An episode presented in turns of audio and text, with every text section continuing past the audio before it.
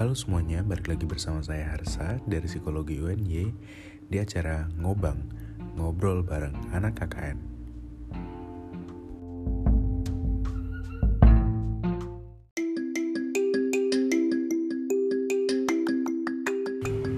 Halo semuanya, balik lagi di Ngobang. Ka- ini episode yang kedua. Iya.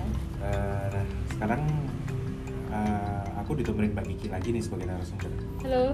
Halo Mbak, nah kali ini tuh temanya kan Mbak? Katanya WFH cuma dua minggu, kok jadi dua tahun. Jadi kita akan memandang, eh, kita akan melihat WFH ini dari perspektif mahasiswa. Gimana sih Mbak?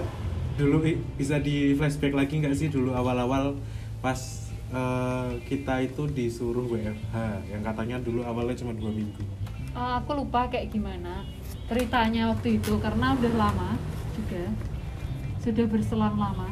Tapi aku ingat banget waktu itu tuh eh, UNY itu terakhir. Eh, maksudnya nggak terakhir-terakhir banget, cuman di saat itu UGM dan mana tuh namanya Atma Jaya sudah memutuskan untuk merumahkan mahasiswanya Eh, belajar dari rumah. Nah UNY itu belum. Di situ kayak rada karena karena kuliah kuliah kuliah terus gitu rasanya kayak pengen aku aku juga pengen libur nih dua minggu lumayan pikirannya gitu. Bener. eh tahu-tahu dua minggu lebih dua tahun. Dua tahun. Dulu kamu nganu aja mbak waktu masih kuliah terus pemerintah tuh baru bilang kalau dengan pemerintah tuh baru bilang kalau corona tuh nggak mungkin ada di Indonesia gitu. Jadi guyonan nggak sih di kelas tuh Oh enggak, jadi waktu itu kan waktu kita libur dua minggu itu corona sudah di Indonesia, tapi Hmm. sebelumnya sebelumnya memang sempat menjadi guyonan gitu.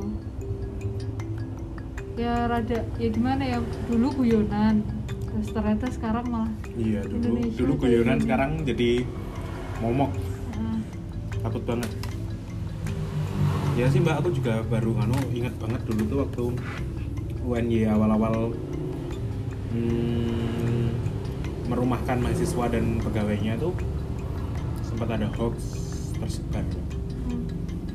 hoaxnya tuh katanya orang UNY banyak yang kena covid makanya dirumahkan Oh itu aku nggak denger, nggak denger. soalnya kebetulan kan mbakku kan nakas juga kan mbak jadi Ah. tuh dan mbakku tuh ditugaskan di bangsal covid jadi eh, ya itu hoaxnya tuh kesebar di malah di kalangan tenaga kesehatan gitu katanya eh UNY itu pada kena covid pokok dirumahkan Oh. Tapi tapi zaman dulu karena waktu kita memutuskan dua minggu untuk eh, belajar dari rumah, itu justru covid di Jogja nggak tahu ya kalau di Jakarta itu sebagai ibu kota itu nggak ngerti kayak gimana. Tapi kalau covid di Jogja waktu itu masih sedikit, relatif rendah ya Nah, angkanya angkanya relatif rendah. Jadi jadi bagi kami yang dirumahkan malah se- sebagai ajang untuk main. Hmm, bener Gitu.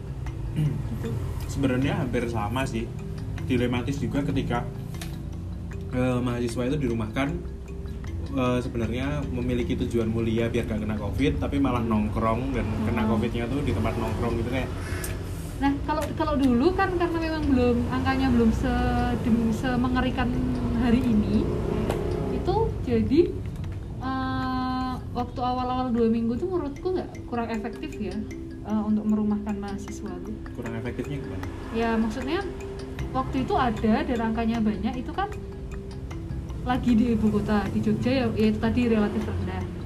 Nah terus dirumahkan, tapi kan tidak terjadi apa-apa pada kita dibuat dibu disalahgunakan sehingga mereka menjadikan momen dua minggu itu untuk main.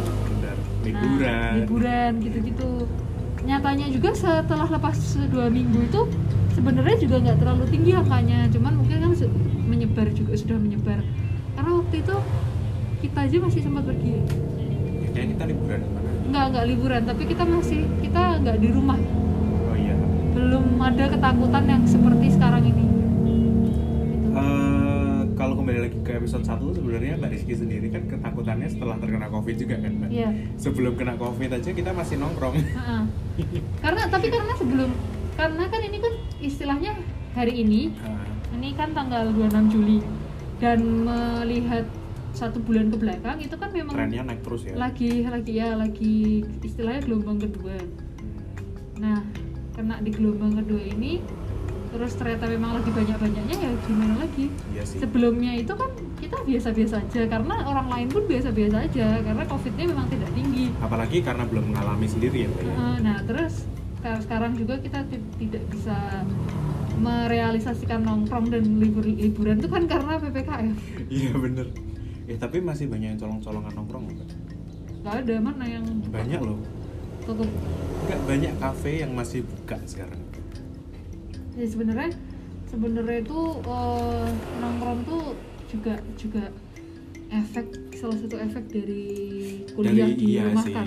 WFH terus Uh-uh. school from home itu mereka butuh cari tempat yang nyaman untuk mereka belajar wifi yang cukup untuk mereka ini.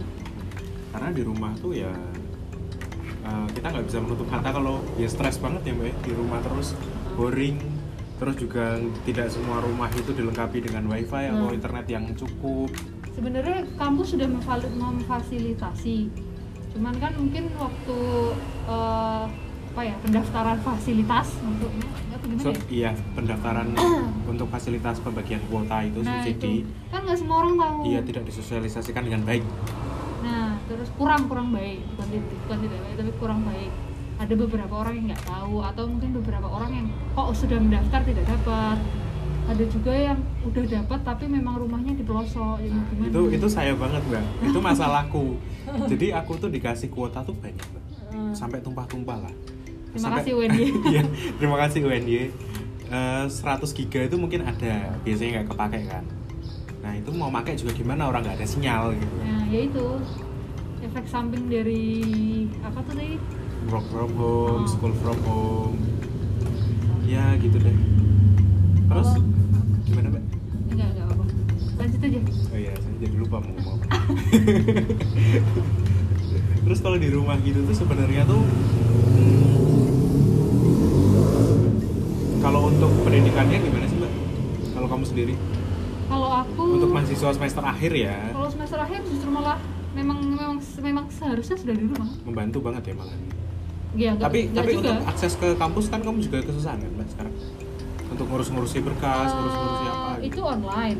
Nggak susah cuman kan kalau misalnya karena online tuh kan misalnya kalau kalau mungkin kalau datang langsung pak saya mau bikin ini langsung dibuatkan. Hmm. ya kan kalau online kita harus, Harus nunggu sistemnya. ya. eh, nanti sistemnya error atau mungkin kenapa kenapa nah atau mungkin malah melawan covid karena kemarin kan sempat mau bikin surat eh bapaknya isoman. Itu kan rasanya kan berarti kita berhadapan dengan covid lagi covid lagi. Curahan hati ya meskipun melalui orang lain misalnya kayak gitu terus yang kedua tapi kan eh bukan kedua sih tapi kan emang enaknya kalau mahasiswa semester akhir tuh memang di rumah kan dia kan dilepaskan untuk mencari apa tuh namanya sumber untuk skripsinya benar. nah jadi yang susah tuh justru itu Hmm. tapi kalau untuk ini mbak eh, ketika kita ngomongin semester akhir mungkin eh, tidak terlalu berpengaruh ya Heeh, tapi bagaimana dengan semester awal mbak? Nggak tahu. Temen nggak punya. Oh iya iya iya. temen nggak punya nggak kenal temen dosen nggak tahu attitude-nya di kampus harus gimana kalau Hmm. ketemu dosen juga nggak tahu gitu loh ya itu untuk para maba ya gimana ya? Karena saya tidak mengalami kan saya nggak ngerti. Iya sih. Tapi menurut aku kurang aja euforianya itu kurang euforia sebagai mahasiswa itu kurang. Nggak ada ceritanya ya nanti Uh-uh. kalau udah punya anak gitu. Maksudnya kan nggak nggak nggak jauh-jauh ke situ lah. Misalnya kayak aku bercerita ya kuliah di UNY itu gini gini gini nanti ada PKKMB PKKMB nya seru banget kan. Dari dulu kan yang gemborkan kan itu kan. Bener. nah tapi mereka loh mana ini keseruanku? Mana euforiaku mereka? Euforianya hanya dari layar laptop. Iya benar. Itu bagi mereka suntuk banget. Orang sama aja di rumah bagi panitianya juga susah banget Iya. koordinasi sesuatu hanya dari layar laptop Oke mbak tadi kita berarti udah bahas dari perspektif mahasiswa semester akhir eh, dan pandangan kita soal maba. Nah, kita balik lagi mbak ke mahasiswa semester akhir aja. Bentar lagi wisuda nih. Sebulan lagi. Amin. amin Amin kan. Itu gimana mbak? Perasaannya wisuda online loh ini? nggak ada kesannya. Ya mungkin nggak. mungkin kesannya berbeda.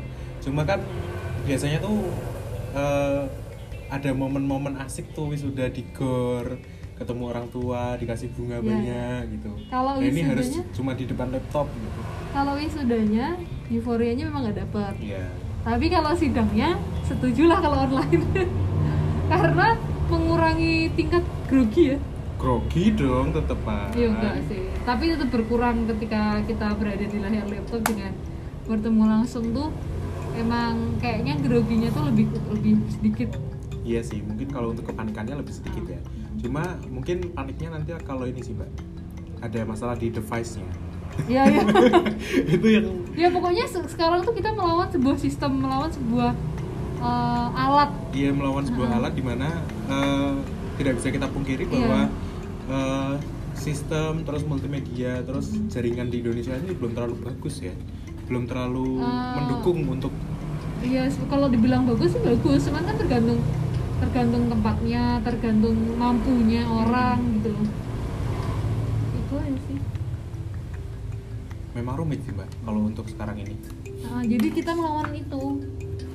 melawan sistem ya Nah, yaudah sih mbak kayak gitu aja lah apa? Ya udah udah habis mau bahas apa lagi. Iya kan? ya semoga pandeminya cepat berakhir Iya. Biar punya cerita tentang kuliah. iya benar biar maba-maba tuh juga kenal temennya gitu ketemu masa ketemu cuma di zoom Biar- meeting iya, apa benar. gitu kan nggak asik gitu loh nggak apalagi mahasiswa psikologi ya nggak bisa mengamati teman-temannya gimana sikapnya gimana perilakunya tuh asik gitu Iya, ya udah semoga pandemi cepat berakhir buat Mbak Rizky juga semoga tetap sehat Amin. usahanya lancar cepat lulus ya Amin. Mbak ya yuk kita bertemu lagi di podcast selanjutnya di episode 3 dadah Dah. Oke, ya.